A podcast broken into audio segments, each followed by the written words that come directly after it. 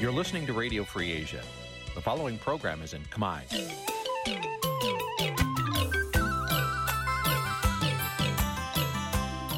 Nǐ chi càm bi tiệp xáy vệt chiu a zì sê ray នេះជាកម្មវិធីផ្សាយរបស់ Vithu Azisari ជាភាសាខ្មែរ វត្តឈូអាស៊ីសេរីសូមស្វាគមន៍លោកអ្នកនាងទាំងអស់ពីរដ្ឋធានី Washington នៃសហរដ្ឋអាមេរិក បាទប្រធានាធិបតី Washington ខ្ញុំបាទទីនសាការីយ៉ាសូមជម្រាបសួរលោកនាងកញ្ញាទាំងអស់ជាទីមេត្រីយើខ្ញុំសូមជូនកម្មវិធីផ្សាយសម្រាប់យប់ថ្ងៃសុក្រ10កើតខែចែកឆ្នាំខាលចត្វាស័កពុទ្ធសករាជ2566ត្រូវនៅថ្ងៃទី31ខែមិនិនាគ្រិស្តសករាជ2023បាទជាដំបូងនេះសូមជ័យលោកនាងកញ្ញាស្ដាប់ព័ត៌មានប្រចាំថ្ងៃដែលមានមេត្តាដូចតទៅ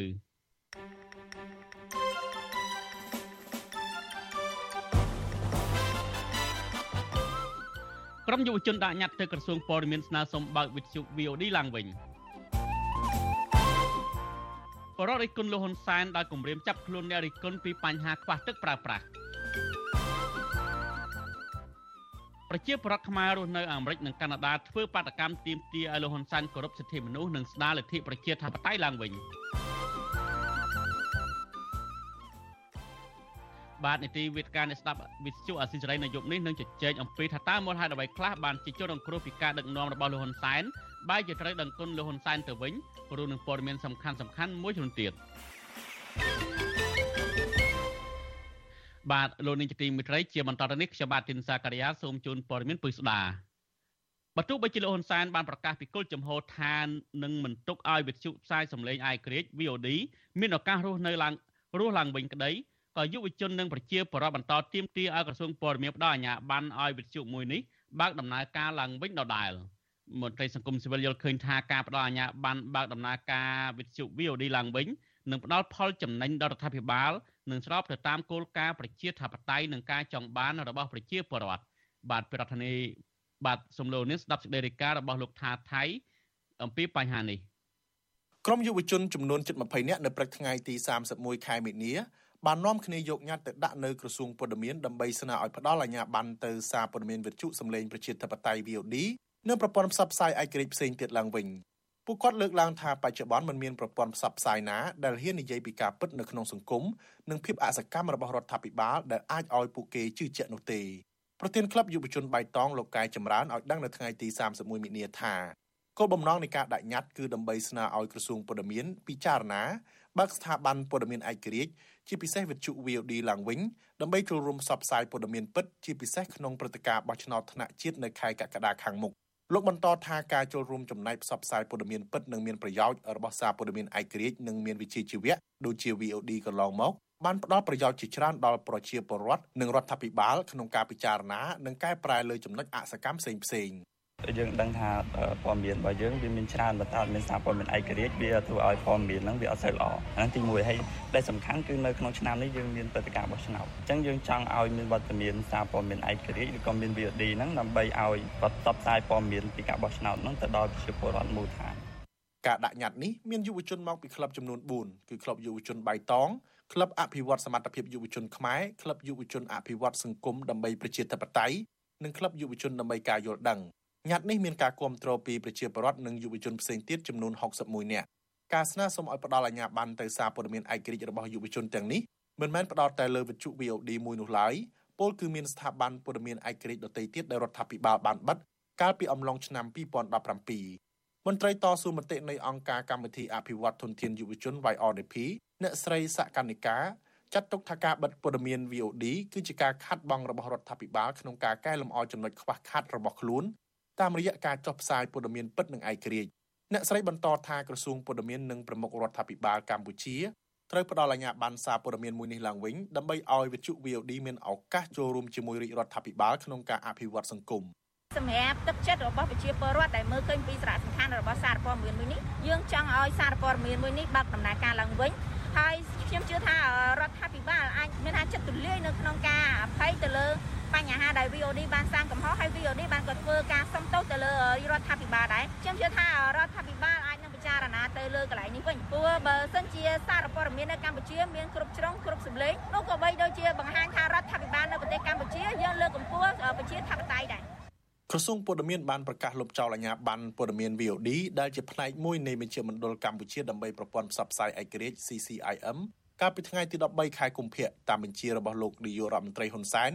ដែលបានចាត់ប្រកាន់មកលើ VOD ថាបានរំលោភបំពានវិជ្ជាជីវៈសារព័ត៌មាននិងធ្វើឲ្យប៉ះពាល់ដល់កិត្តិយសនិងផ្ទៃក្នុងរបស់រដ្ឋាភិបាលបន្ទាប់ពីចុះផ្សាយព័ត៌មានតាក់ទងនឹងលោកហ៊ុនម៉ាណែតចុះហត្ថលេខាផ្ដល់ជំនួយឲ្យប្រទេសទូគីជំនួសលោកហ៊ុនសែនដែលជាឪពុកវិទ្យុអាស៊ីសេរីមិនអាចតាក់ទងแนะនាំពាក្យក្រសួងព័ត៌មានលោកមាសសុភ័ណ្ឌនិងប្រធានអង្គភិបអ្នកនាំពាក្យរដ្ឋាភិបាលលោកផៃស៊ីផានដើម្បីសុំការបកស្រាយបានទេនៅថ្ងៃទី31មិនិនា ជុំវិញរឿងនេះប្រធានសមាគមការពារសិទ្ធិមនុស្សអាត់ហុកលោកនីសុខាគាំទ្រលើការដាក់ញត្តិរបស់យុវជនដើម្បីស្នើសុំបើកវិទ្យុ VOD ឡើងវិញព្រោះការស្នើសុំរបស់យុវជនគឺស្របទៅនឹងគោលជំហររបស់សង្គមស៊ីវិលជាតិនិងអន្តរជាតិបណ្ដាប្រទេសប្រជាធិបតេយ្យនិងប្រជាពលរដ្ឋភាគច្រើនលោកជំរុញឲ្យរដ្ឋាភិបាលគូតែយោគយល់ផ្ដល់អាជ្ញាប័ណ្ណឲ្យវិទ្យុ VOD បើកដំណើរការឡើងវិញដើម្បីឲ្យស្ថាប័នមួយនេះចូលរួមបម្រើផលប្រយោជន៍ដល់ប្រជាពលរដ្ឋនិងសង្គម តាមរយៈការផ្លាស់ប្តូរព័ត៌មានរវាងរដ្ឋាភិបាលនិងប្រជាពលរដ្ឋដែលជួយឲ្យការដោះស្រាយបញ្ហាសង្គមនិងជំរុញឲ្យមានការអភិវឌ្ឍជាតិកាន់តែប្រសើរឡើង។ពីព្រោះថានៅក្នុងដំណើរការប្រជាធិបតេយ្យគឺថាសេរីភាពសារព័ត៌មាននឹងក៏ជាសេរីភាពមួយដែលសំខាន់ណាស់នៅក្នុងធាតុផ្សំនៃគោលការណ៍លទ្ធិប្រជាធិបតេយ្យអញ្ចឹងបើសិនបើយើងមានការបិទទៅលើសារព័ត៌មានមួយដែលវាមានភាពឯករាជ្យហើយដែលប្រជាពលរដ្ឋមានការជឿទុកចិត្ត ទៅលើសារព័ត៌មានដើម្បីឲ្យមានជាព័ត៌មានសម្រាប់ថ្លឹងថ្លែងបញ្ហាក្នុងសង្គមខ្ញុំគិតថានេះដំណើរវាឆ្លុះបញ្ចាំងអំពីដំណើរការប្រជាធិបតេយ្យនៅកម្ពុជាយើងមិនសូវជាមានលក្ខណៈល្អប្រសើរប្រមាណទេបាទបើទោះបីជាយ៉ាងណាគោលជំហររបស់លោកហ៊ុនសែនដែលជាមេដឹកនាំមានចិត្តមានះនិងឆេវឆាវហាក់មិនទាន់ចិត្តក្នុងការបើកវិទ្យុសំឡេង VOD ឡើងវិញនោះទេបើទោះបីជាមានការរិះគន់ពីប្រជាពលរដ្ឋសង្គមស៊ីវិលនិងសហគមន៍អន្តរជាតិរហូតដល់មានការប្រមានដាក់ទណ្ឌកម្មសេដ្ឋកិច្ចក្តី ព្រោះលោកហ៊ុនសែនខ្លាចព័ត៌មានដែលហ៊ានផ្សាយរិះគន់ការដឹកនាំរបស់លោកជាមួយគ្នានេះការរំលាយប្រព័ន្ធផ្សព្វផ្សាយឯករាជ្យគឺជាយុទ្ធសាស្ត្រមួយរបស់លោកហ៊ុនសែនក្នុងការច្រោះយកតែប្រព័ន្ធផ្សព្វផ្សាយដែលគ្រប់គ្រងការដឹកនាំរបស់លោកដើម្បីធានាជ័យជំនះទុកជាមុនរបស់គណៈបកកណ្ដាលអំណាចនិងការផ្ទេរអំណាចដល់កូនប្រុសច្បងរបស់លោកទោះជាយ៉ាងណាប្រជាពលរដ្ឋនិងសង្គមស៊ីវិលទទូចឲ្យរដ្ឋាភិបាលគួរតែពិចារណាដើម្បីអនុញ្ញាតឲ្យវិទ្យុសំឡេង VOD បើកដំណើរការឡើងវិញនិងមន្ត្រីយកការសម្រេចចិត្តទាំងកំហឹងរបស់ថ្នាក់ដឹកនាំមកអនុវត្តដែលធ្វើឲ្យប៉ះពាល់ទៅដល់ប្រយោជន៍ជាតិនិងសង្គមឡើយ។ខ្ញុំថាថៃពីទីក្រុងមែលប៊នបានលោកទីមិត្តរីនៅឯរដ្ឋធានីវ៉ាស៊ីនតោននេះវិញគឺពលរដ្ឋអាមេរិកនិងកាណាដាដើមកំណត់ខ្មែរនៅព្រឹកថ្ងៃទី31មីនានេះដែលត្រូវជាព្រឹកនៅអាមេរិកនេះគឺពួកគាត់នឹងទៅជួបជុំគ្នានៅមុខក្រសួងការបរទេសអាមេរិក ដើម្បីធ្វើបាតកម្មទាមទារឲ្យលោកហ៊ុនសែនគោរពសិទ្ធិមនុស្សនិងស្ដារលទ្ធិប្រជាធិបតេយ្យឡើងវិញ។ហើយអ្នកយកព័ត៌មានរបស់យើងលោកសេចបណ្ឌិតកំពុងតែតាមដានដើម្បីតាមដានអំពីបាតកម្មនេះហើយនឹងរាយការណ៍ជូនលោកនាងអំពីគោលបំណងនៃការធ្វើបាតកម្មនិងការជួបជុំគ្នានៅឯមុខក្រសួងការបរទេសអាមេរិកដែលនឹងជម្រាបជូនលោកនាងនៅពេលបន្តិចទៀតនេះបាទសូមលោកនាងរងចាំទស្សនាសេចក្តីរាយការណ៍របស់លោកសេចបណ្ឌិតដោយផ្ទាល់ពីមុខក្រសួងការបរទេសនាពេលបន្តិចនេះបាទ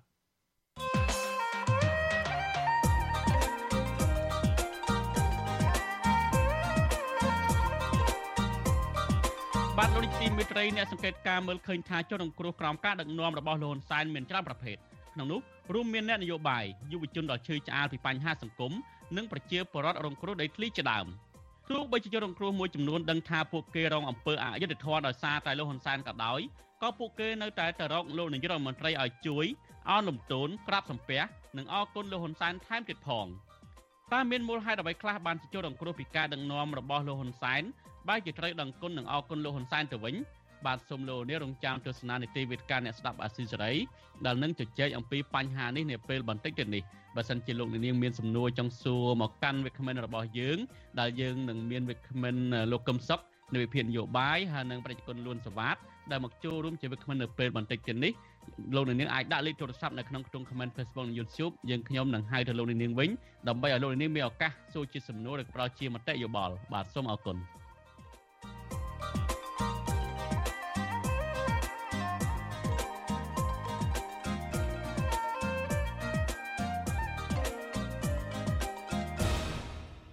បាទលោកនាយកទីមេត្រីតកតងនឹងរឿងរ៉ាវដែលអ្នកនៅទីក្រុងរស់នៅទីក្រុងភ្នំពេញកំពុងតែប្រឈមនឹងបញ្ហាលំបាកឯនេះវិញគឺបញ្ហាលំបាកនោះគឺថាគឺថាការខ្វះទឹកប្រើប្រាស់នៅរដូវក្តៅនេះក៏ហើយតកតងនឹងបញ្ហានេះគឺថាក្រមយុវជននឹងបាទនឹងប្រជាប្រដ្ឋបានលើកឡើងថាថ្នាក់ដឹកនាំរដ្ឋាភិបាលគួរតែអន្តរាគមន៍ឲ្យមន្ត្រីពាក់ព័ន្ធផ្គត់ផ្គង់ទឹកទៅដល់ប្រជាប្រដ្ឋប្រើប្រាស់ឲ្យបានគ្រប់គ្រាន់ជាជាងការប្រើប្រាស់សារគម្រិតកំហែងទៅដល់ប្រជាពលរដ្ឋ ដែលត្អូញត្អែអំពីការខ្វះខាតទឹកប្រើប្រាស់នេះទៅវិញបាទប្រតិកម្មបែបនេះគឺថាធ្វើឡើងបន្ទាប់ពីលោកហ៊ុនសែនបានផ្ញើសារគម្រាមអ្នកណាដែលរិះគន់អំពីបញ្ហាខ្វះទឹកប្រើប្រាស់នេះបាទគឺអ្នកស្រីម៉ៅសុធីនីគឺជំរាបជូនលោកនាងពិស្ដាពីរឿងនេះបាទ សកម្មជនការងារសង្គមនិងប្រជាប្រដ្ឋលើកឡើងដោយដូចគ្នាថាប្រមុខដឹកនាំរដ្ឋាភិបាលគួរដោះស្រាយបញ្ហាខ្វះទឹកស្អាតប្រើប្រាស់ជាជាងគម្រាមកំហែងដល់ប្រជាប្រដ្ឋដែលហ៊ានរិះគន់ថារដ្ឋាភិបាលអសមត្ថភាពមិនអាចផ្គត់ផ្គង់ទឹកទៅដល់ប្រជាប្រដ្ឋបានបរដ្ឋម្នាក់រស់នៅសង្កាត់ចំចៅ3ដែលមិនមានទឹកប្រើប្រាស់អស់រយៈពេល8ថ្ងៃមកហើយគឺលោកសោតលីដា ប្រាប់បច្ចុប្បន្នស៊ីស្រីថាលោកហួសចិត្តនៅពេលដែលថ្នាក់ដឹកនាំរដ្ឋាភិបាលស្ដីបន្ទោសបរដ្ឋដែលត្អូញត្អែអំពីការដែលមិនមានទឹកប្រើប្រាស់លោកបន្ថែមថាដោយសារតែគ្មានទឹកប្រើប្រាស់នេះហើយលោកត្រូវជិះម៉ូតូទៅទិញទឹកស្អាត3ប៊ីដុងដែលមានតម្លៃ3000រៀលជារៀងរាល់ថ្ងៃលោកសូតលីដាបន្តថាអ្វីត្បិតតែបញ្ហាខ្វះខាតទឹកប្រើប្រាស់ជាបញ្ហាតូចតាចក៏ដោយ ក៏ប៉ុន្តែថ្នាក់ដឹកនាំរដ្ឋាភិបាល គួរជំរុញឲ្យមន្ត្រីក្រមអវ៉ាតផ្គត់ផ្គង់ទឹកឲ្យបានគ្រប់គ្រាន់ប្រសើរជាងគម្រាមកំហែងដល់អ្នកដែលហ៊ានរិះគន់ដល់ពេលទឹកដាច់អញ្ចឹងគាត់ចាប់ដើមស្រែកថាអត់មានទឹកគ្រប់គ្រាន់សម្រាប់ជាពលរដ្ឋអញ្ចឹងសូមឲ្យមានឲ្យអាជ្ញាធរឬក៏អ្នកពាក់ព័ន្ធជាមួយនឹងរដ្ឋកោទឹកឬស្នើទៅដល់រដ្ឋាភិបាលឲ្យគាត់ជួយមើលមែនតែនកុំឲ្យមានទៅឆ្នាំឆ្នាំក្រោយទៀតព្រោះមិនមែនជារឿងពេញស្រ័យទេខ្ញុំ ខ្វះខាតទឹកខ្ញុំដើរទិញគេមួយកដុង30លីត្រ1000ដើរទិញគេរហូតមួយថ្ងៃទិញ3ជើងស្រដៀងគ្នានេះសកម្មជនចលនាមេដាធម្មជាតិកញ្ញាភូនការថ្មីដែលផ្ទះរបស់កញ្ញាក៏ខ្វះទឹកប្រើប្រាស់ដែរនោះលើកឡើងថាការគម្រាមកំហែងអ្នកដែលហ៊ានរិះគន់ពីបញ្ហាគ្មានទឹកប្រើប្រាស់មិនបានផ្ដល់ផលចំណេញទៅដល់រដ្ឋាភិបាលនោះឡើយកញ្ញាបន្ថែមថាជាជាងស្ដីបន្ទោសបរដ្ឋ ដែលត្អូញត្អែអំពីបញ្ហាខ្វះទឹកប្រើប្រាស់ថ្នាក់ដឹកនាំកម្ពុជារដ្ឋាភិបាលគូស្ដីបន្ទោសមន្ត្រីពាក់ព័ន្ធជាពិសេសរដ្ឋមន្ត្រីក្រសួងធនធានទឹកនិងឧតុនិយមចេញមុខសំទោសប្រជាប្រដ្ឋជាសាធារណៈនិងដោះស្រាយបញ្ហាខ្វះទឹកប្រើប្រាស់ជាបន្ទាន់ពីព្រោះថានេះគឺជាការទទួលខុសត្រូវរបស់មន្ត្រីរាជការដែលទទួលប្រាក់ខែពីការបង់ពន្ធរបស់បរដ្ឋ ស្នើសុំកុំឲ្យមានពាក្យសម្ដីគំរាមកំហែងចាប់ចងនៅលើមតិរិះគន់របស់ប្រជាពលរដ្ឋខ្ញុំថាដោយសារតែពួកយើងកំពុងតែជួបផលលំបាកហើយទើបយើងចង់បានដំណោះស្រាយយើងចង់ឲ្យរដ្ឋាភិបាលយកចិត្តទុកដាក់ជាមួយនឹងពួកយើងពួកយើងមិនត្រូវការការគំរាមកំហែងឬក៏ការឆ្លើយតបបែបហិង្សាណាមួយមកដល់ប្រជាជនខ្លួនឯងទេប្រតិកម្មរបស់ប្រជាពលរដ្ឋបែបនេះធ្វើឡើងនៅបន្ទាប់ពីលោកនាយករដ្ឋមន្ត្រីហ៊ុនសែនបានគម្រាមដល់អ្នករិះគន់ពីបញ្ហាខ្វះទឹកប្រើប្រាស់ខ្លាំង នៅក្នុងវេទិកាចែកសញ្ញាបត្រដល់និស្សិតវិទ្យាស្ថានជាតិបណ្ឌិតសាស្ត្រជាង6000នាក់កាលពីថ្ងៃទី30ខែមីនាលោកហ៊ុនសែនថែមទាំងបានប្រើប្រាស់ពាក្យអសិលធម៌និងគម្រាមចាប់អ្នកដែលនៅក្រៅប្រទេស ដាក់ពន្ធនាគារផងដែរបើសិនបើពួកគេនៅក្នុងស្រុកប្រហែលថ្ងៃនេះតំបន់មួយចំនួនខ្វះទឹកប្រើប្រាស់គេអត់បានលើកអំពីកាលពីមុនអាតំបន់មានទឹកនោះគេអត់ដែលនិយាយ ដល់តែខ្វះទឹកមកបន្តិចវាស្រែកទូស្រែកស្រែកឲ្យលឺឯងស្រែកឲ្យបែកកាពះនោះហើយបងស្រែកចឹងបានថាពាក្យចាស់ធ្លាប់មានតែខ្ញុំក៏រកែបន្តិចកុំពុតស្រឡៅកុំបដៅអាក្មេងពីលនិយាយចេះពួកពីលនេះគឺមិនងាយបដៅទេបដៅអ្មេចក៏វាមិនទៅដែរមិនទៅទេណាប៉ុន្តែ អាពូនេះបាននៅក្រៅប្រទេសទេបើនៅក្នុងប្រទេសខ្ញង់កុំសូវពេកកាលពីថ្ងៃទី23ខែមីនារដ្ឋកោទឹកស្វ័យយ័តក្រុងភ្នំពេញ បានចេញលិខិតជូនដំណឹងថាករណីអត់ទឹកប្រើប្រាស់នេះគឺដោយសារតែតម្រូវការប្រើប្រាស់ទឹករបស់ប្រជាពលរដ្ឋមានការកើនឡើងដល់ទៅជាង89ម៉ឺនម៉ែត្រគីបក្នុងមួយថ្ងៃខណៈដែលសមត្ថភាពផលិតជាក់ស្ដែង គឺបានប្រមាណ64ម៉ឺនម៉ែត្រគីបក្នុងមួយថ្ងៃប៉ុណ្ណោះរដ្ឋកោទឹកថ្វាយយ៉ាត់ក្រុងភ្នំពេញសន្យាថានឹងដោះស្រាយចាប់តាំងពីដើមខែឧសភាតទៅហើយរោងចក្រផលិតទឹកស្អាតនិងផលិតទឹកបរិមាណជា20ម៉ឺនម៉ែត្រគីបក្នុងមួយថ្ងៃបន្ថែមទៅលើសមត្ថភាពផលិតបច្ចុប្បន្នទោះជាបែបនេះក្តីប្រជាប្រដ្ឋលើកឡើងថា ការសន្យារបស់អាជ្ញាធរពាក់ព័ន្ធគឺច្រើនលើកច្រើនសារមកហើយក៏ប៉ុន្តែជាក់ស្ដែង ពុំដែលឃើញមានការដោះស្រាយនោះឡើយខណៈដែលបញ្ហាខ្វះទឹកប្រើប្រាស់របស់ប្រជាពលរដ្ឋចាប់តាំងពីឆ្នាំ2016រហូតមកដល់បច្ចុប្បន្នបញ្ហាប្រជាប្រដ្ឋរស់នៅ រាជធានីភ្នំពេញខ្វះទឹកប្រើប្រាស់មានការកើនឡើងជារៀងរាល់ឆ្នាំរហូតមកដល់ពេលនេះគេមិនដែលឃើញមានមន្ត្រីណាម្នាក់ហ៊ានចេញមុខសំទោសជាសាធារណៈអំពីបញ្ហានេះឡើយអ្នកវិភាគនយោបាយលើកឡើងថាប្រកាសដែលមិនស្ដីបន្ទោស និងការពីមន្ត្រីថ្នាក់ក្រោមរបស់លោកហ៊ុនសែននេះហើយទើបធ្វើឲ្យបញ្ហានៅក្នុងសង្គមជាច្រើននៅតែបន្តកើតមាន និងគ្មានដំណោះស្រាយនោះឡើយចាននាងខ្ញុំម៉ៃសុធានីវិទ្យុអស៊ីសេរីប្រធានាធិបតី Washington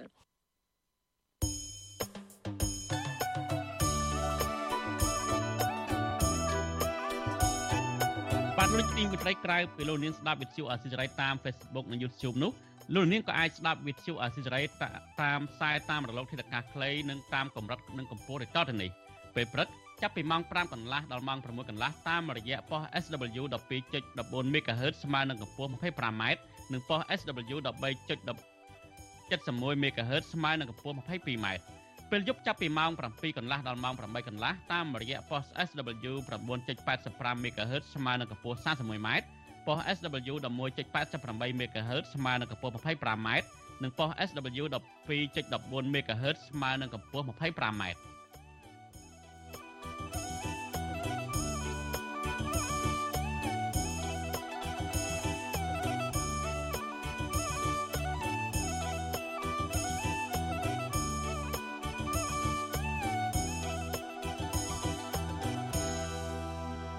បាទដូចទីមេត្រីងាកមកមើលនៅឯសហរដ្ឋអាមេរិកនេះវិញរដ្ឋធានីវ៉ាស៊ីនតោននៅព្រឹកនេះគឺថាបរដ្ឋបរដ្ឋអាមេរិកកាំង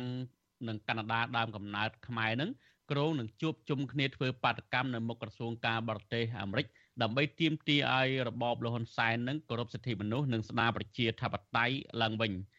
បាទ ឥឡូវនេះយើងមានលោកសេងបណ្ឌិតដែលកំពុងតែនៅចាំមើលខ្លំមើលអំពីការធ្វើបាតកម្មនេះដើម្បីរាយការណ៍ជូនលោកនាងខ្ញុំបានឃើញលោកសេងបណ្ឌិតហើយបាទលោកសេងបណ្ឌិតសូមជម្រាបសួរបាទបាទសូមជម្រាបសួរលោកទីនសាការីយ៉ាបាទបាទលោកសេងបណ្ឌិតឃើញអាកាសធាតុថ្ងៃនេះនៅខាងក្រៅប្រហែលជារងាលោកដូចជាពាក់អាវរងាធំខ្លាំងណាស់បាទបាទឥ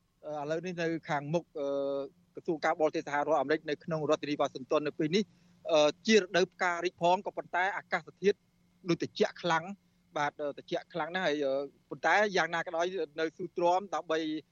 តាមដាននៅព្រឹត្តិការណ៍មួយដែលប្រជាពលរដ្ឋខ្មែរអាមេរិកាំងនិងប្រជាពលរដ្ឋខ្មែរដទៃទៀតដែលកំពុងរស់នៅក្នុងទឹកដីសហរដ្ឋអាមេរិកនេះនិងប្រជាពលរដ្ឋមួយចំនួននៅប្រទេសកាណាដានោះពួកគាត់បានរួមគ្នាធ្វើដំណើរមកជួបជុំគ្នានៅខាងមុខក្រសួងការបរទេសសហរដ្ឋអាមេរិកនៅក្នុងរដ្ឋធានីវ៉ាស៊ីនតោននៅព្រឹកនេះ ជឺព្រឹកម៉ោងម៉ោងប្រហែលជាម៉ោង10គាត់ទាំងគ្រូជួបជុំគ្នាច្រើនហើយដើម្បីធ្វើពិធីសម្ដែងមតិនិងធ្វើការដើរហាយក្បួនពីក្រសួងការបរទេសសហរដ្ឋអាមេរិកនឹងឆ្ពោះទៅនៅអាគាររដ្ឋប្រសិទ្ធិនៅក្នុងសហរដ្ឋអាមេរិកផងដែរបាទហើយនៅក្នុងពេលនេះដែរដោយសារតែព្រឹកព្រលឹមពេកពួកគាត់អ្នកមួយចំនួននៅធ្វើដំណើរតាមផ្លូវនៅឡើយបាទហើយប៉ុន្តែពេលនេះក៏មានតំណាងដែលរៀបចំធ្វើកោតកម្មបាតកម្មនេះ មួយចំនួនបានមកដល់ជាបដាបដាហើយមុននឹងគាត់ចាប់ផ្ដើមសន្មត់ជួបជុំគ្នាធ្វើពិធីនឹងសម្ដែងមតិនៅម៉ោងប្រហែលជា10ព្រឹកម៉ោងនៅក្នុងរដ្ឋធានី Washington នេះលោកទីនសាករាបាទបាទអរគុណច្រើនលោកសេមរិទ្ធអ្វីដែលលោកសេមរិទ្ធទៅ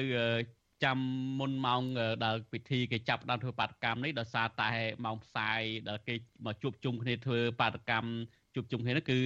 គឺក្រោយពីម៉ោងផ្សាយយើងគឺម៉ោងផ្សាយយើងបានចាប់ទៅហើយដូច្នេះបានជាលោកសេបណ្ឌិតបានទៅមើលអំពីទីតាំងនៅបាតកម្មនេះដោយផ្ទាល់ហើយឬដូចលោកបានជម្រាបជូនមកមកនេះចឹងគឺថាអ្នកតំណាងដឹកនាំបាតកម្មនោះគឺបានមកជួបជុំជាបដាបដាហើយខ្ញុំចង់ដឹងអំពីគោលបំណងនៃការធ្វើបាតកម្មនឹងជាក់លាក់បន្ថែមទៀតលោកសេបណ្ឌិតតើលោកអាចជួប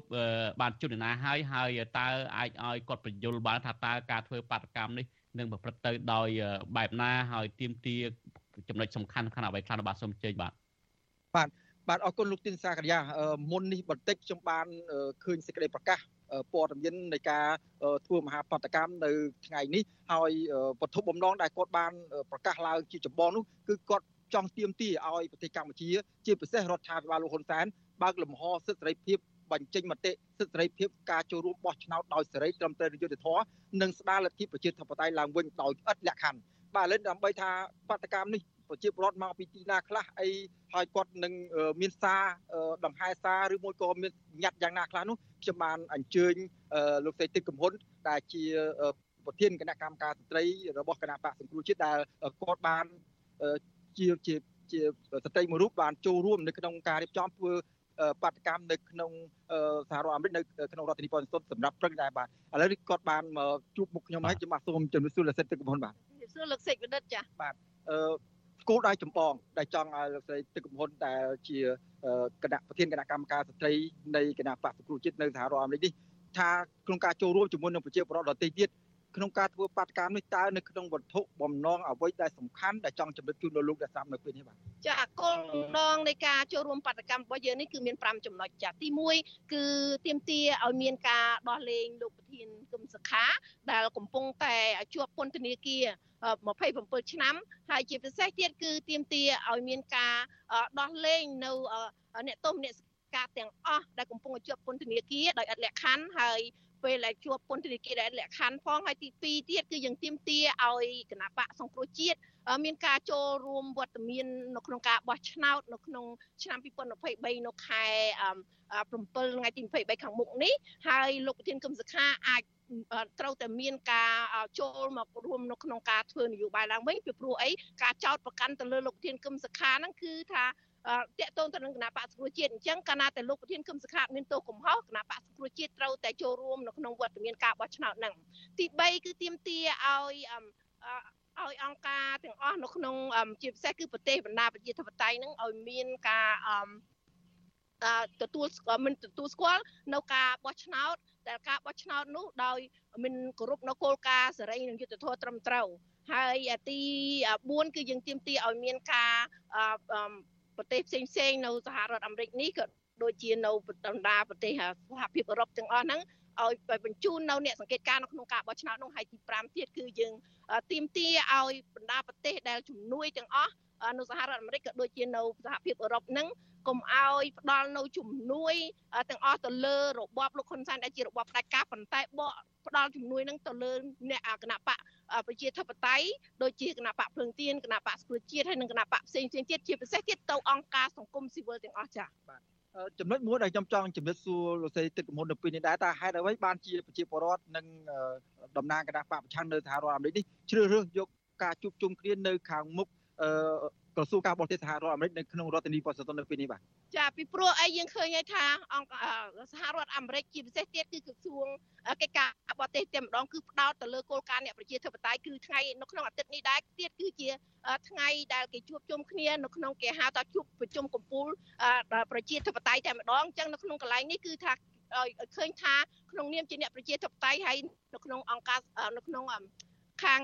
ក្រសួងកិច្ចការបរទេសគឺឈរផ្អែកទៅលើអ្នកប្រជាធិបតេយ្យឈរលើជាប្រវត្តិខ្មែរម្ល៉េះហើយយើងត្រូវតែមកនៅទីនេះដើម្បីឲ្យក្រសួងកិច្ចការបរទេសនឹងគឺថាបដូរនៅទិសដៅថ្មីមួយទៀតក្រៅតែពីធ្វើនៅការស្នើសុំក៏ដូចជាធ្វើនៅសេចក្តីដាក់សម្ពាធទៅលើហ៊ុនសែនតាមបែបលិលាអសរនោះប៉ុន្តែបដូរមកជាយុទ្ធសាស្ត្រមួយគឺថាត្រូវតែមានការដាក់ទណ្ឌកម្មនៅបុគ្គលណាក៏ដោយដែលរំលោភនៅលទ្ធិប្រជាធិបតេយ្យនិងសិទ្ធិសេរីភាពប្រជាពលរដ្ឋខ្មែរចា៎បាទអរគុណ ថ្ងៃនេះខ្ញុំដឹងថាអ្នកចូលរួមជាពិសេសមានការរៀបចំពីបណ្ដាប្រជាពលរដ្ឋមកពីប្រទេសកាណាដាផងនឹងមានញត្តិក្រៅពីការសម្ដែងមតិដោយផ្ទាល់ក៏មានញត្តិជាផ្លូវការដែរដើម្បីដាក់ជូនទៅស្ថាប័នសំខាន់សំខាន់នៅក្នុងសហរដ្ឋអាមេរិកលោកស្រីអាចជម្រាបជូនបានទេថាញត្តិនោះមានខ្លឹមសារយ៉ាងម៉េចហើយពិធីញត្តិនោះនឹងនឹងនឹងយកដាក់ទៅខាងណាខ្លះដែរ ចាញត្តិនោះគឺយើងមានខ្លឹមសារដូចដែលខ្ញុំបានជម្រាបខាងលើហ្នឹងគឺ5ចំណុចហ្នឹងហើយក្នុងញត្តិនោះទៀតមានបងប្អូនប្រជាពលរដ្ឋសាញញត្តិហ្នឹងគឺសញ្ញេញត្តិហ្នឹងផ្ទាល់នៅទីនេះតែម្ដងហើយមានញត្តិតាមប្រព័ន្ធអនឡាញតាមអេឡិចត្រូនិកហ្នឹង8000អ្នកតំណោះចា8000អ្នកជាងអញ្ចឹងនៅក្នុងនោះដែរនៅក្នុងនោះម៉ោងបន្តិចទៀតនេះគឺការចូលរួមបដកម្មក៏ដូចជាបដកចូលរួមហ្នឹងនឹងមាននៅមន្ត្រីនៃខាងក្រសួងកិច្ចការបរទេសហ្នឹងនឹងចូលមកទទួលញត្តិរបស់យើងផ្ទាល់ហើយនឹងមាននៅអ្នកប្រជាធិបតេយ្យដែលជាគេគេហៅថាគណៈបកគណៈបកប្រឆាំងមួយរបស់វេណេស៊ុយឡាសម្រាប់ប្រជាធិបតេយ្យហ្នឹងនឹងចូលរួមជាមួយយើងហើយនឹងមាននៅមេធាវីរបស់លោកស្រី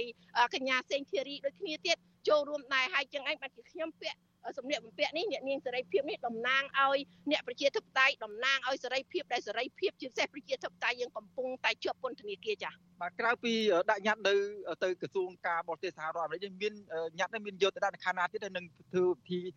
ហាយញត្តិឬមួយយ៉ាងម៉េចដែរលើកសូថាមាន មានការដាក់ហាយក្បួននេះផងចាក្នុងការដាក់ញត្តិក្រៅពីក្រសួងកិច្ចការបរទេសនេះយើងត្រឹមត្រូវណាស់លោកបណ្ឌិតយើងនឹងដើរ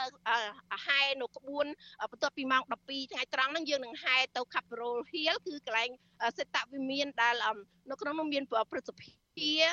ក៏ដូចជារដ្ឋសភានៅទីនោះហើយញត្តិរបស់យើងនឹងទទួលផ្ញើទៅពួកគាត់ពីព្រោះ ក្នុងនាមយើងមកធ្វើបាតកម្មមិនមែនក្នុងនាមជាគណៈបកទេបងប្អូនគឺយើងមកក្នុងនាមជាអ្នកប្រជាធិបតេយ្យយើងមកក្នុងនាមជាប្រជាពលរដ្ឋខ្មែរដែលស្រឡាញ់ប្រជាធិបតេយ្យសិទ្ធិសេរីភាពជាពិសេសមានអង្គការ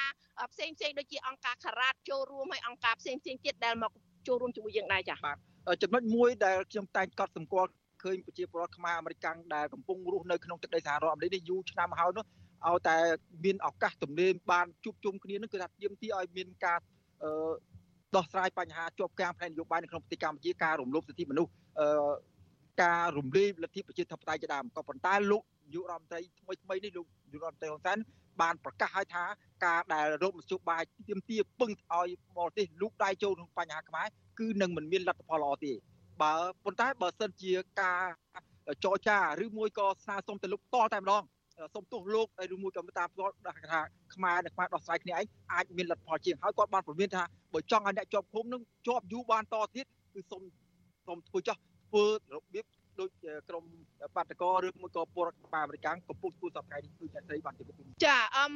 អរគុណលោកសេវិនដែលបានលើកឡើងចាក្នុងនោះដែរខ្ញុំចាប់សម្ដីបានថាលោកហ៊ុនសែន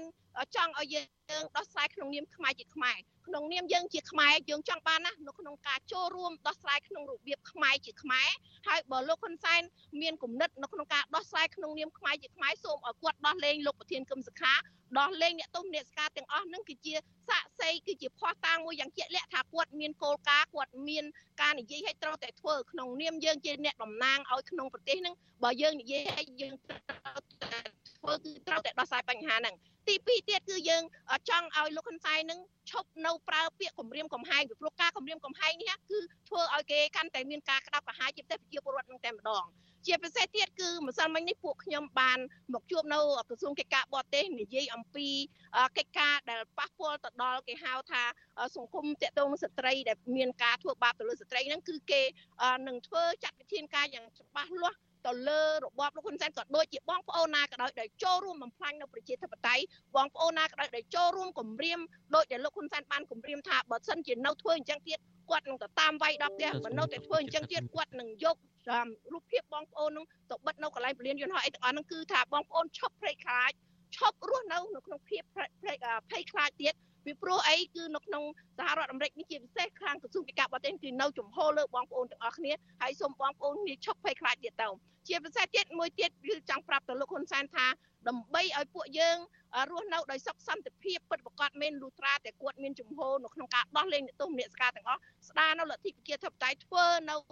តាមបែបគេហៅថាសន្ធិសញ្ញាទីក្រុងប៉ារីសដែលបានចែងស្រេចថាត្រូវឲ្យ ប្រទេសកម្ពុជាយើងប្រជាពលរដ្ឋខ្មែររស់នៅដោយសិទ្ធិសេរីភាពពេញលេញមិនឲ្យជនបរទេសជាពិសេសគាត់កំពុងតែខ្លួនគាត់នឹងតាក់ទងទៅនឹងចិនបរ ជនបរទេសចិនហើយនឹងយួននឹងកំពុងតែធ្វើបាបព្រះខ្មែរយើងចា៎បាទអរគុណលោកស្រីទឹកកំហ៊ុនដែលបានផ្ដល់បទសម្ភាសជូនដល់វិទ្យុអសីត្រីនៅក្នុងពេលនេះដោយសារតែលោកស្រីមានកិច្ចការច្រើនទៀតក្នុងការរៀបចំធ្វើពិធីតវ៉ាសម្ដែងមតិថាថាមហាបដកម្មនៅក្នុងថ្ងៃនេះឥឡូវខ្ញុំបាទសូមជម្រាបសួរជម្រាបលាលោកស្រីទឹកកំហ៊ុនតែបដិសិនហើយយើងនឹងបន្តតាមបន្តនៅសកម្មភាពក្នុងការតវ៉ាសម្ដែងមតិនៅថ្ងៃនេះបន្តទៀតនៅពេលបន្តិចទៀតនេះបាទបាទបាទគុណបាទលោកទីនសាកាយាជាទីមេត្រីយើងនៅមានជួប ពលរដ្ឋម្នាក់ទៀតដែលជាសមាជិកនៃការចូលរួមនៃការធ្វើកោតកម្មនេះដើម្បីដឹងទឹកចិត្តពួកគាត់ថាតើគាត់មកចូលរួមនេះក្នុងវត្ថុបំណងគូបំណងអ្វីខ្លះហើយគាត់ចង់ឲ្យមានសន្តិភាពកើតឡើងនៅក្នុងប្រទេសកម្ពុជាពិតប្រាកដយ៉ាងដូចម្តេចឥឡូវខ្ញុំបាទសូមជម្រាបសួរលោកបាទបាទសូមស្គាល់ឈ្មោះផងខ្ញុំឈ្មោះស៊ីវខ្ញុំនៅរដ្ឋវិជ្ជាពីវ៉ាស៊ីនតោន DC នេះប្រហែល20 20មនុស្សបាទបាទ បាទនៅចិត្តនេះដែរទេនៅចិត្តនេះដែរទេបាទឮសូថាយុបមិញនេះមានបាក់តមកពីបណ្ដារដ្ឋផ្សេងផ្សេងណាមកពីកាណាដាផងបានទៅចូលរួមសាកអាស្រ័យនៅផ្ទះរបស់លោកអីចឹងតើលោកបានឃើញទឹកចិត្តពួកគាត់ដែលខំមកពីចិត្តទីឆ្ងាយនឹងក្នុងការចូលធ្វើបាតកម្មនេះទាមទារឲ្យមានដំណោះស្រាយនយោបាយនិង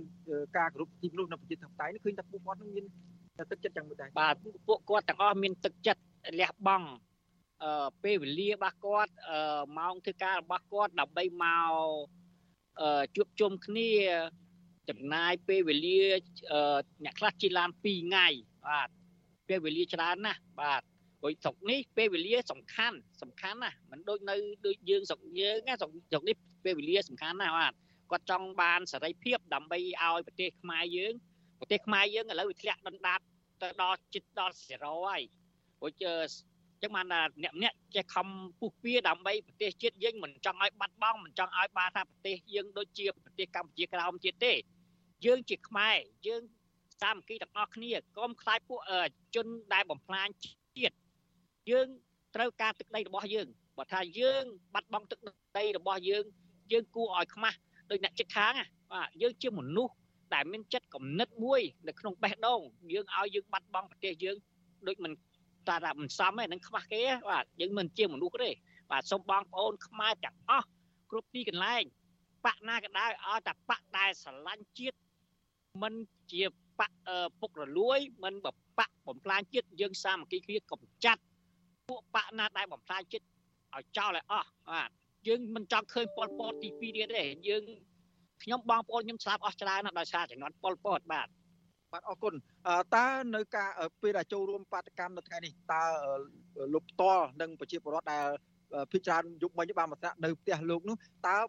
ចង់បានអ្វីដែលសំខាន់បំផុតនៅក្នុងបញ្ហានេះហើយរំពឹងថាក្រសួងការបរទេសរដ្ឋមន្ត្រីការបរទេសនៅសហរដ្ឋអាមេរិកនេះនឹងអាចមានឥទ្ធិពលយ៉ាងដូចម្តេចក្នុងការជួយឲ្យកម្ពុជាមានសន្តិភាពមានការគោរពសិទ្ធិមនុស្សនិងស្ដារលទ្ធិប្រជាធិបតេយ្យឡើងវិញបានដោយរបៀបនេះបាទតិចទៀតមិញ repeat ដល់ខ្ញុំដល់បាទសូមតើមានក្តីរំពឹងយ៉ាងម៉េចចំពោះការមកតវ៉ានៅខាងមុខរដ្ឋមន្ត្រីក្រសួងការបរទេសសហរដ្ឋអាមេរិកនៅពេលនេះហើយពួកគាត់នឹងចង់បានឲ្យប្រទេសកម្ពុជានឹងមានការគោរពសិទ្ធិមនុស្សឬមួយក៏ប្រជាធិបតេយ្យនឹងរបៀបម៉េចបាទគាត់ចង់បានប្រទេសយើងឲ្យបានសន្តិភាពរួចអឺ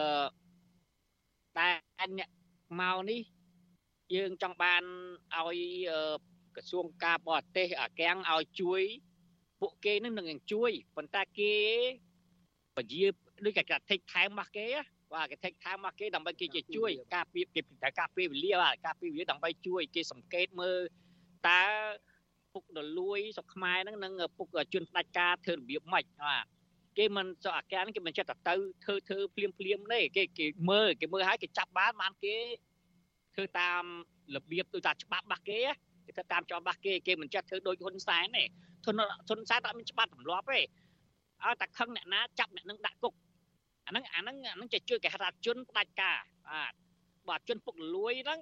អឺអាជនក្បត់ជាតិហ្នឹងវាបំផ្លាញជាតិបាទ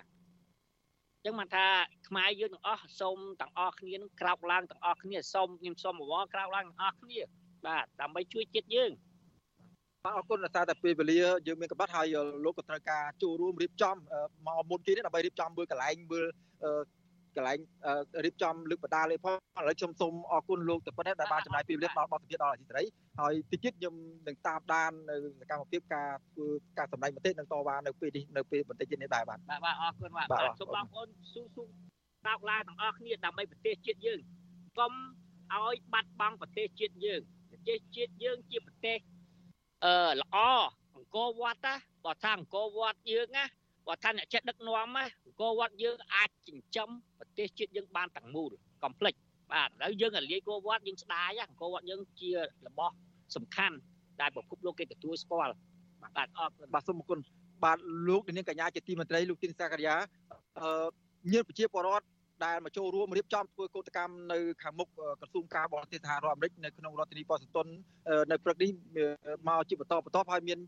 អ្នកខ្លះគាត់គាត់ចង់ចូលរួមសម្ដែងមតិច្រើនទៀតក៏ប៉ុន្តែម៉ោងយើងកាន់តែគៀកណាស់ទៅហើយដោយថ្ងៃនេះលោកទីនកាលោកទីនសាករិយាត្រូវសម្រុះសម្រួល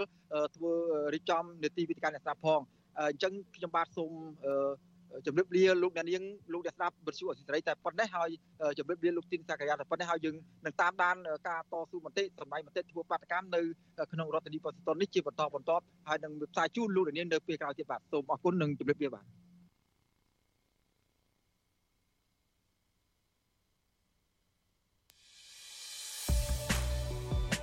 កម្មវិធី Vithu Azizi ស្រីសម្រាប់ទូរស័ព្ទដៃអាចឲ្យលោកអ្នកនាង អានអត្ថបទទស្សនាវីដេអូនិងស្ដាប់ការផ្សាយផ្ទាល់ដោយឥតគិតថ្លៃនិងដោយគ្មានការរំខាន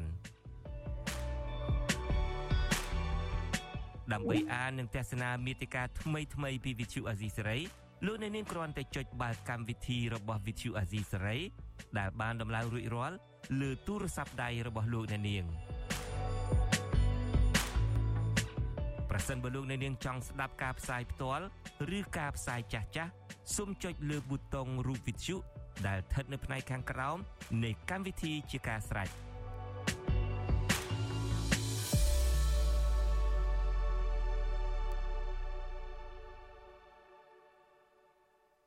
បាទលោកទីមេត្រី ដោយលោកនាងបានស្ដាប់សេចក្តីរាយការណ៍របស់លោកសេកបណ្ឌិតអំបញ្ញមិញនេះហើយគឺលោកនឹងតាមឃ្លាំមើលការធ្វើ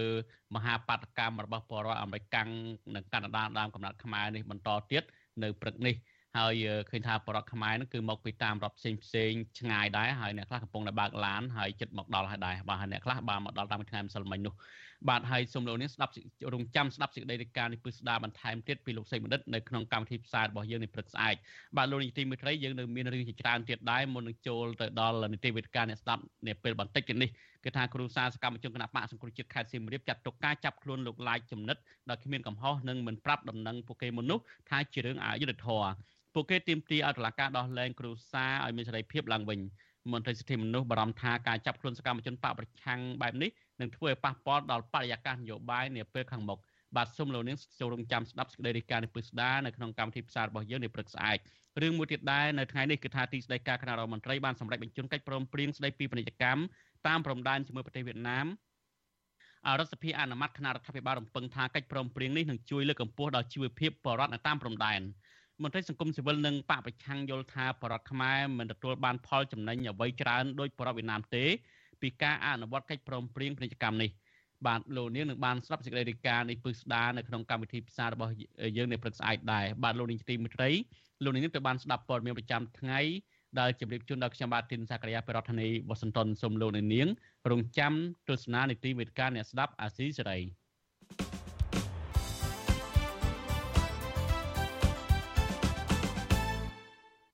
បាទលោកទីមិត្តរីជាបន្តទៅនេះគឺជានីតិវិទ្យាអ្នកស្ដាប់វិទ្យុអាស៊ីសេរី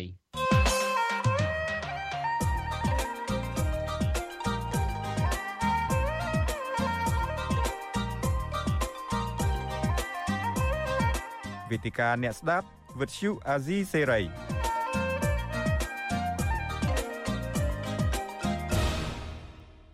បាទខ្ញុំបាទទីនសាករិយាសូមជម្រាបសួរលោកនាងជាថ្មីម្ដងទៀតនីតិវិទ្យាអ្នកស្ដាប់អសិរ័យនៅពេលនេះយើងនឹងជជែកយើងនឹងជជែកអំពីថាតើមូលហេតុអ្វីខ្លះបានជាចូលរងគ្រោះពីការដឹកនាំរបស់លោកហ៊ុនសែនបែរជាត្រូវដឹងគុណនិងអរគុណលោកទៅវិញ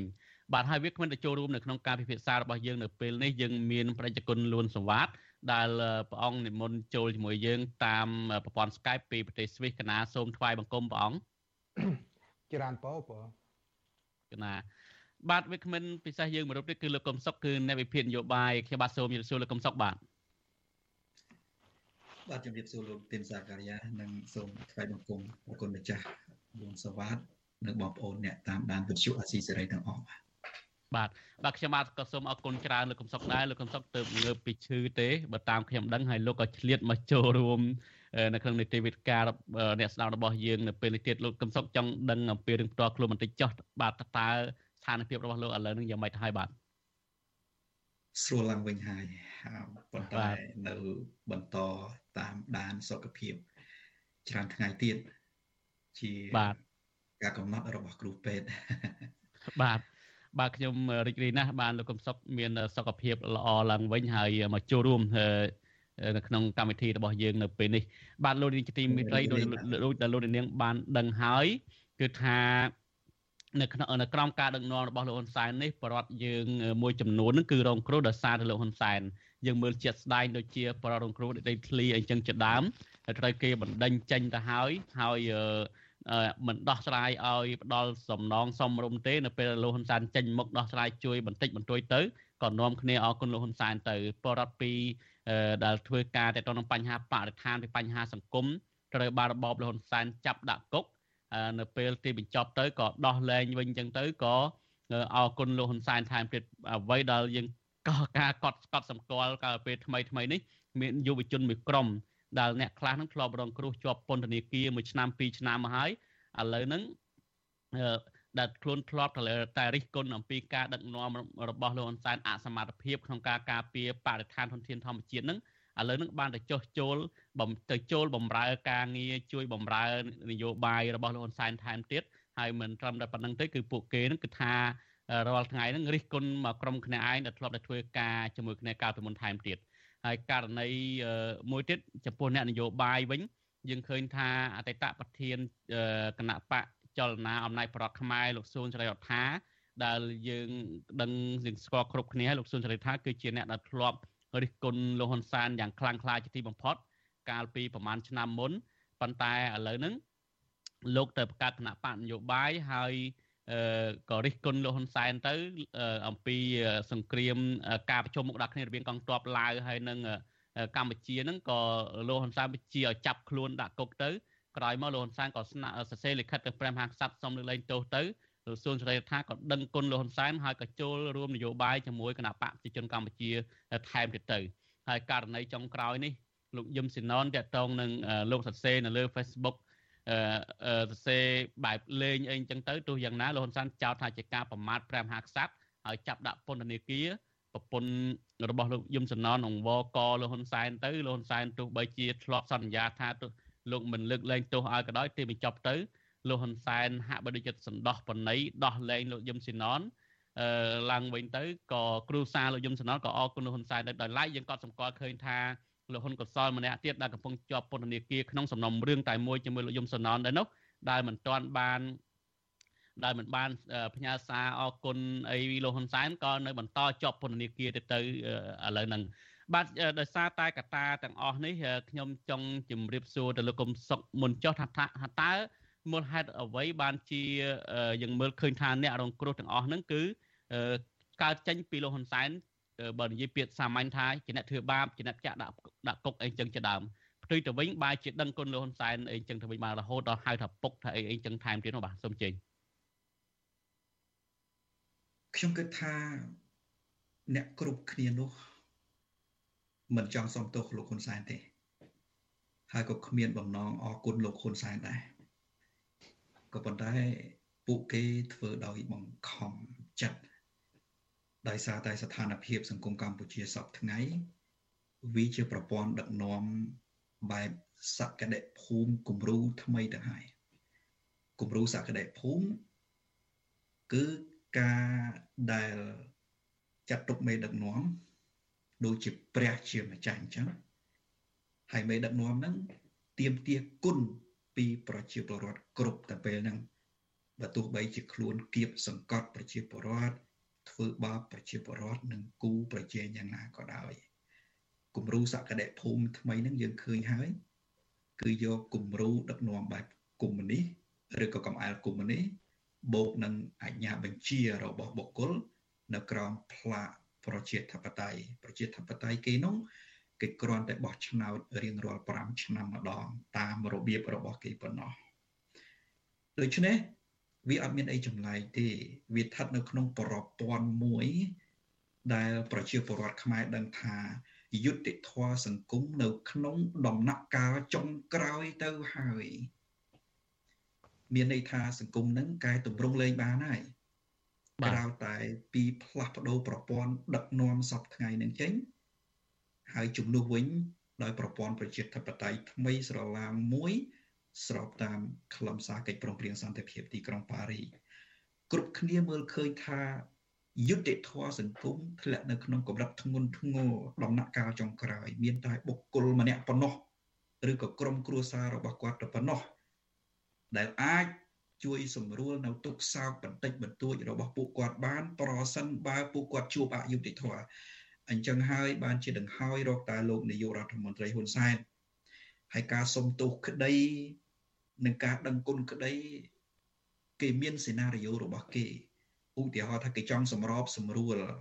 ឲ្យអ្នកណាម្នាក់ចេញពីគុកបើទោះបីជាអ្នកហ្នឹងចង់សុំទោសឬក៏មិនចង់សុំទោសក៏ដោយហើយអ្នកនឹងមិនចង់ប្រើពាក្យដឹងគុណក៏ដោយកាលណា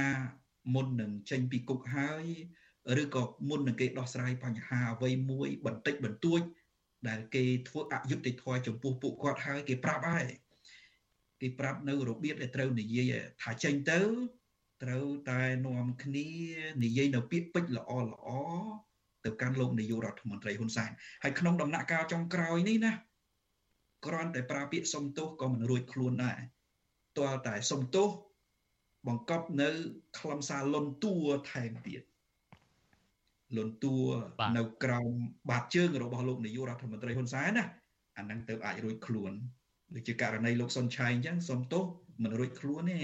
ពីព្រោះគាត់មិនបង្ហាញអំពីអរិយាប័ត្រលន់តួបាទបាទលោកកំសុកមានប្រសាសន៍បែបហ្នឹងនឹកឃើញខាងស្ថាប័នវិទ្យុ VOD ហ្នឹងទោះបីជាប្រើពាក្យ នឹងក្នុងន័យថាសំទោសទៅហើយប៉ុន្តែមិនដូចលោកកំសត់ថាមិនបានលន់តួមែនតែហ្នឹងក៏ហ៊ុនសែនក៏បិទលោកហ៊ុនសែនក៏បិទតែម្ដងទៅមកដល់បច្ចុប្បន្នហ្នឹងកណាសូមជម្រាបសួរព្រះអង្គលួនសវ៉ាតវិញតើសកម្មភាពលោកហ៊ុនសែនដែលធ្វើដូច្នេះលោកកំសត់បានមានប្រសាសន៍ឲ្យថាបើនិយាយសាមញ្ញទៅលោកហ៊ុនសែនជាអ្នកធ្វើបាបធ្វើទុកបុកម្នេញហើយបើអ្នកណាខ្លះលន់តួអន់ក្រាបអីអីអញ្ចឹងទៅក៏លើកលែងឲ្យទៅ បើមិនអញ្ចឹងទេក៏នៅជាប់ពន្ធនាគារអីអញ្ចឹងបន្តទៀតទៅធ្វើទុកទោសទៀតទៅ បើតាមទ្រឹស្ដីពុទ្ធសាសនាវិញបើមើលអំពីច្បាប់កម្មផលអីហ្នឹងតើយ៉ាងម៉េចទៅវិញព្រះអង្គកណាសូមនិមន្តពោច្រើនពោចំពោះការសំទោសវាជាក្រមសិលធម៌របស់មនុស្សជាតិដែលក្នុងនាមជាមនុស្សបើយើងខុស យើងខុសហើយយើងត្រូវតែទទួលស្គាល់កំហុសហើយយើងសារភាពកំហុសហើយយើងប្រើពាក្យសុំទោសចឹងការសុំទោសហ្នឹងវាជាសុជីវធម៌នៃសង្គមមួយណាច្រើនពណាហើយក្នុងព្រះពុទ្ធសាសនាក៏ព្រះអង្គសម្ដែងដែរអំពីពិធីខមាទោពិធីអឺសារភាពកំហុស បើសិនជាព្រះភិក្ខុសង្ឃអង្គសាមណេរណាមួយមានអាបត្តិណាជាតុកគាត់ជាបាចិត្តយៈអាបត្តិតូចដែលអាចសុំទោសបានណាណាគឺកណាគ្រាន់តែសុំទោសគ្នាទៅគឺរួចរួចជាអាបត្តិតែម្ដងប៉ុន្តែអាបត្តិខ្លះទោះបីសុំទោសក៏រួចដែរព្រោះអីវាជាអាបត្តិធំអញ្ចឹងបើយើងនិយាយពីច្បាប់សង្គមក៏ដូចគ្នាដែរ ក្នុងករណីខ្លះបើយើងមានកំហុសខុសឆ្គងដោយកាយដោយវិចារដោយចិត្តដោយចេតនាឬអចេតនាតែជាកំហុសតូចតាចអានឹងយើងអាចសុំទោសគ្នាបានយើងមិនអាចទៅប្រកាន់ទោសអូសដំណើរ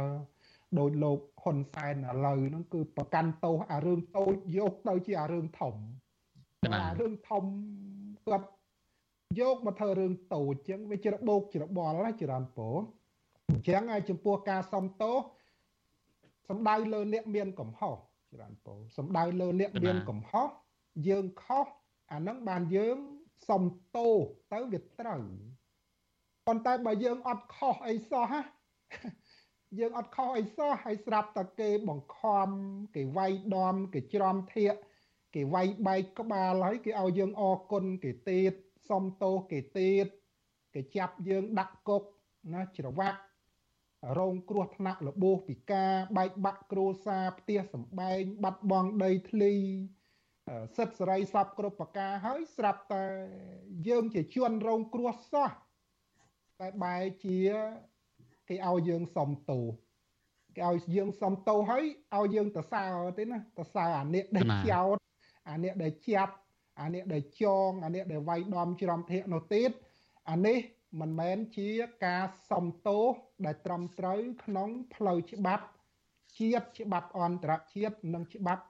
ព្រះពុទ្ធសាសនានោះទេចរន្តពោហើយអ្នកដែលគូសំទោសមិនមែនអ្នករងគ្រោះទេញាតិញោមមិនមែនអ្នកដែលគ្មានកំហុសទេ អាអ្នកដែលត្រូវសំទោសគួរតែសំទោសហ្នឹងគឺអាអ្នកសាងកំហុសអាអ្នកធ្វើខុស អាអ្នកធ្វើបាបគេ អាអ្នកចោតអាអ្នកចាប់អាអ្នកសម្លាប់ណាសុខសន្តិភាពសិទ្ធិសេរីភាពគម្រាមកំហែងចាប់ឪពុកគេដាក់គុកកូនគេប្រពន្ធគេដាក់គុកអាអ្នកដែលធ្វើបាបគេនោះតើដែលត្រូវសំទោសជន់រងគ្រោះថាខ្ញុំចាប់អ្នកឯងនេះខុសហើយខ្ញុំចោតអ្នកឯងនេះខុសហើយអញ្ចឹងក្នុងសម័យអឺ ហ៊ុនសែនញាតិញោមដឹងហើយថាជន់រងគ្រោះនៅក្នុងសម័យនោះ យើងមិនអាចឲ្យប៉ុលពតមកសុំទោសទេព្រោះវាផុតសម័យប៉ុលពតហើយអញ្ចឹងវាចូលដល់សម័យហ៊ុនសែនអញ្ចឹងអ្នករងគ្រោះដែលជាប់គុករងទុកលំបាកវេទនាទាំងផ្លូវកាយផ្លូវចិត្តនោះគឺក្នុងសម័យហ៊ុនសែនអញ្ចឹងអ្នកណាអ្នកធ្វើបាប អ្នកណាអ្នកធ្វើបាបពួកគាត់ឥឡូវយើងពិចារណាមើលអញ្ចឹងអឺចង់មិនចង់ទាំងអស់នេះគឺអ្នកដែលគួរសំទោសអ្នកដែលត្រូវតែសំទោសគឺអ្នកមានអំណាច គឺអ្នកដែលធ្វើបាបប្រជាពលរដ្ឋប្រកម្មជនដីធ្លីព្រៃឈើបរិស្ថានសិទ្ធិមនុស្សផ្សេងផ្សេងហ្នឹងអ្នកកាន់អំណាចដែលត្រូវតែសំទោសព្រោះអីវាជាការទទួលខុសត្រូវ របស់អ្នកគ្រប់គ្រងអ្នកដឹកនាំអំណាច ដែលធ្វើឲ្យប្រជាពលរដ្ឋมันមានសេចក្តីសុខដែលធ្វើឲ្យប្រជាពលរដ្ឋរងទុក្ខលំបាកផ្សេងផ្សេងគឺតាមច្បាប់សិលធម៌នៃសង្គមចរន្តពោក៏ដូចជាព្រះពុទ្ធសាសនា គឺគេសំដៅលើ អ្នកដឹកនាំអ្នកទទួលខុសត្រូវមុនគេវាដូចជាឪពុកម្ដាយយើងពេលខ្លះទៅលើកដៃសំពះ សំទោសអ្នកដតីជំនួសកូនដោយថាកូនខ្ញុំប្រព្រឹត្តខុសឆ្គងអឺដោយនៅក្មេងដោយមិនទាន់ពេញវ័យមិនមានគំនិតពិចារណាវែងឆ្ងាយឪពុកម្ដាយសុកចិត្តទៅសំទោសជំនួសកូន តែរឿងសម័យដេជោហ៊ុនសែននេះហ៊ុនសែនគាត់និយាយថាគាត់មិនដែលមានកំហុសអីផងគាត់មិនដែលខុសច្បាប់អីផងអញ្ចឹងទាំងអស់នេះឆ្លោះបញ្ចាំងនិងសបញ្ជាក់ថា ប្រទេសកម្ពុជាបច្ចុប្បន្នហ្នឹងគឺវាច្របូកច្របល់ច្រើនពោគឺជាការងារច្របូកច្របល់ការងារច្របូកច្របល់ហ្នឹងគឺធ្វើឲ្យរងគ្រោះហើយសូមបញ្ជាក់ថាការរងគ្រោះនៅក្នុងសម័យនេះមិនមែនតែដោយលោកតិនសការីយ៉ាលើកឡើងថាមានអ្នកនយោបាយមានសកម្មជនដីធ្លីបរិស្ថានទេ គឺទូទៅរងគ្រោះទាំងមនុស្ស រងគ្រោះទាំងសត្វរងគ្រោះទាំងសម្បត្តិធនធានធម្មជាតិទាំងប្រសង់ទាំងសិស្សនិស្សិតទាំងអ្នកមានទាំងអ្នកក្រទាំងអ្នកមានអំណាចទាំងអ្នកគ្មានអំណាចហើយរងគ្រោះទាំងគណៈបកប្រឆាំងហើយរងគ្រោះទាំងអាគណៈបកកាន់អំណាចនោះដែរហើយទីបំផុតទៅអាការរងគ្រោះទាំងអស់នេះនឹងជះត្រឡប់ទៅទៅរោគអ្នកដែលបង្កគ្រោះថ្នាក់ លាក់អឺខ្លួនឯងវិញគឺដូចជាការបាចអង្ការបញ្ច្រាស់ខ្យល់អញ្ចឹងច្រើនបងកណាអរគុណច្រើនព្រះអង្គអ្វីដែលកណាលើកឡើងពី3ចំណុចនៃរងគ្រោះហ្នឹងគឺគាត់នឹងលើកឧទាហរណ៍ជាក់ស្ដែងនៅដូចព្រះអង្គមានថាធិការអញ្ចឹងគឺបើមើលទៅវាធំធេងណាស់អ្នកដែលរងគ្រោះនៅក្នុងការរស់នៅក្នុងរបបរបស់លោកហ៊ុនសែននេះព្រះអង្គបានកណាចាប់អារម្មណ៍ពីព្រះអង្គបានមានហត្ថការពីខាងលើអំបញ្ញមិញថា មនុស្សត្រូវមានក្រមសីលធម៌ត្រូវដឹងគុណគឺជាការពិតណាស់នៅពេលដែលគេជួយយើងយើងត្រូវដឹងគុណគេនៅពេលដែលគេជួយយើងទោះបីតិចក៏ដោយច្រើនក៏ដោយទោះបីអ្នកកាន់ពុទ្ធសាសនាក៏ដោយអ៊ីស្លាមក៏ដោយដោយកណាអ្នកកាន់សាសនាអ៊ីស្លាមគឺកតបកិច្ចគឺត្រូវមានក្រមសីលធម៌ត្រូវតែស្គាល់ទោសស្គាល់បន់ហើយនឹងផលហើយនឹងទោសទុកទោសអីហ្នឹងហើយត្រូវដឹងគុណគឺជាការចម្បងណាស់ គឺជាការអប់រំល្អណាស់អំពីមនុស្សត្រូវមានវិជ្ជាវិជ្ជាជីវៈនិងក្រមសីលធម៌និងការដឹងគុណនេះក៏ប៉ុន្តែបើយើងមើលអំពីជាក់ស្ដែងការទទួលខុសត្រូវរបស់លោកហ៊ុនសែននៅក្នុងសង្គមកម្ពុជាបច្ចុប្បន្ននេះដោយព្រះអង្គមានថាធិការហើយយើងមើលមេដឹកនាំផ្សេងផ្សេងទៅមិនមែនមេដឹកនាំទទួលខុសត្រូវខ្ពស់បំផុតទេត្រឹមតែឧទាហរណ៍នៅប្រទេសជប៉ុនថ្មីថ្មីហ្នឹងគាត់ថាខាងរដ្ឋមន្ត្រីទទួលបន្ទុកខាងអគិសនីនឹងដាច់ភ្លើងប្រហែលជា20នាទីគឺគេទៅអនលំទោនសំទោសជាបរដ្ឋគេរយៈពេល20នាទី 20នាទីហើយសំទោសអ្នកខ្លះទៀតរហូតដល់លាតំណែងទៀតប៉ុន្តែនៅកម្ពុជាយើងវិញយើងមើលលោកហ៊ុនសែនដោយព្រះអង្គមានហត្ថការបាញ់មិញនេះអញ្ចឹងគឺមានរឿងរ៉ាវច្រើនណាស់ដែលក្រុមការដឹកនាំរបស់លោកហើយធ្វើឲ្យប្រវត្តិនឹងរងទុកទោសហើយខ្លាចជាជនរងគ្រោះប៉ុន្តែជនរងគ្រោះត្រូវដឹងគុណត្រូវអរគុណលោកទៅវិញករណីមួយទៀតកាលពីសពៀនកោះពេជ្រដែលបាក់នឹងមនុស្សរាប់រយនាក់ស្លាប់ហើយមកទល់ពេលនេះគ្មានអ្នកទទួលខុសត្រូវទេលោកហ៊ុនសែនគ្រាន់តែទៅចូលរួមសម្រក់ទឹកភ្នែកតែបន្តិចទៅ ឲ្យក្រុមហ៊ុនឬក៏រដ្ឋាភិបាលជួយលុយបន្តិចបន្តួចដល់គ្រួសាររងគ្រោះដែលបាត់បង់សមាជិក2នាក់3នាក់អីចឹងទៅអ្នកដែលរងគ្រោះបែរជាដឹងគុណលោកហ៊ុនសែនអីចឹងទៅវិញចំណុចទាំងអស់ហ្នឹងតើវាព្រះអង្គមានហត្ថការថា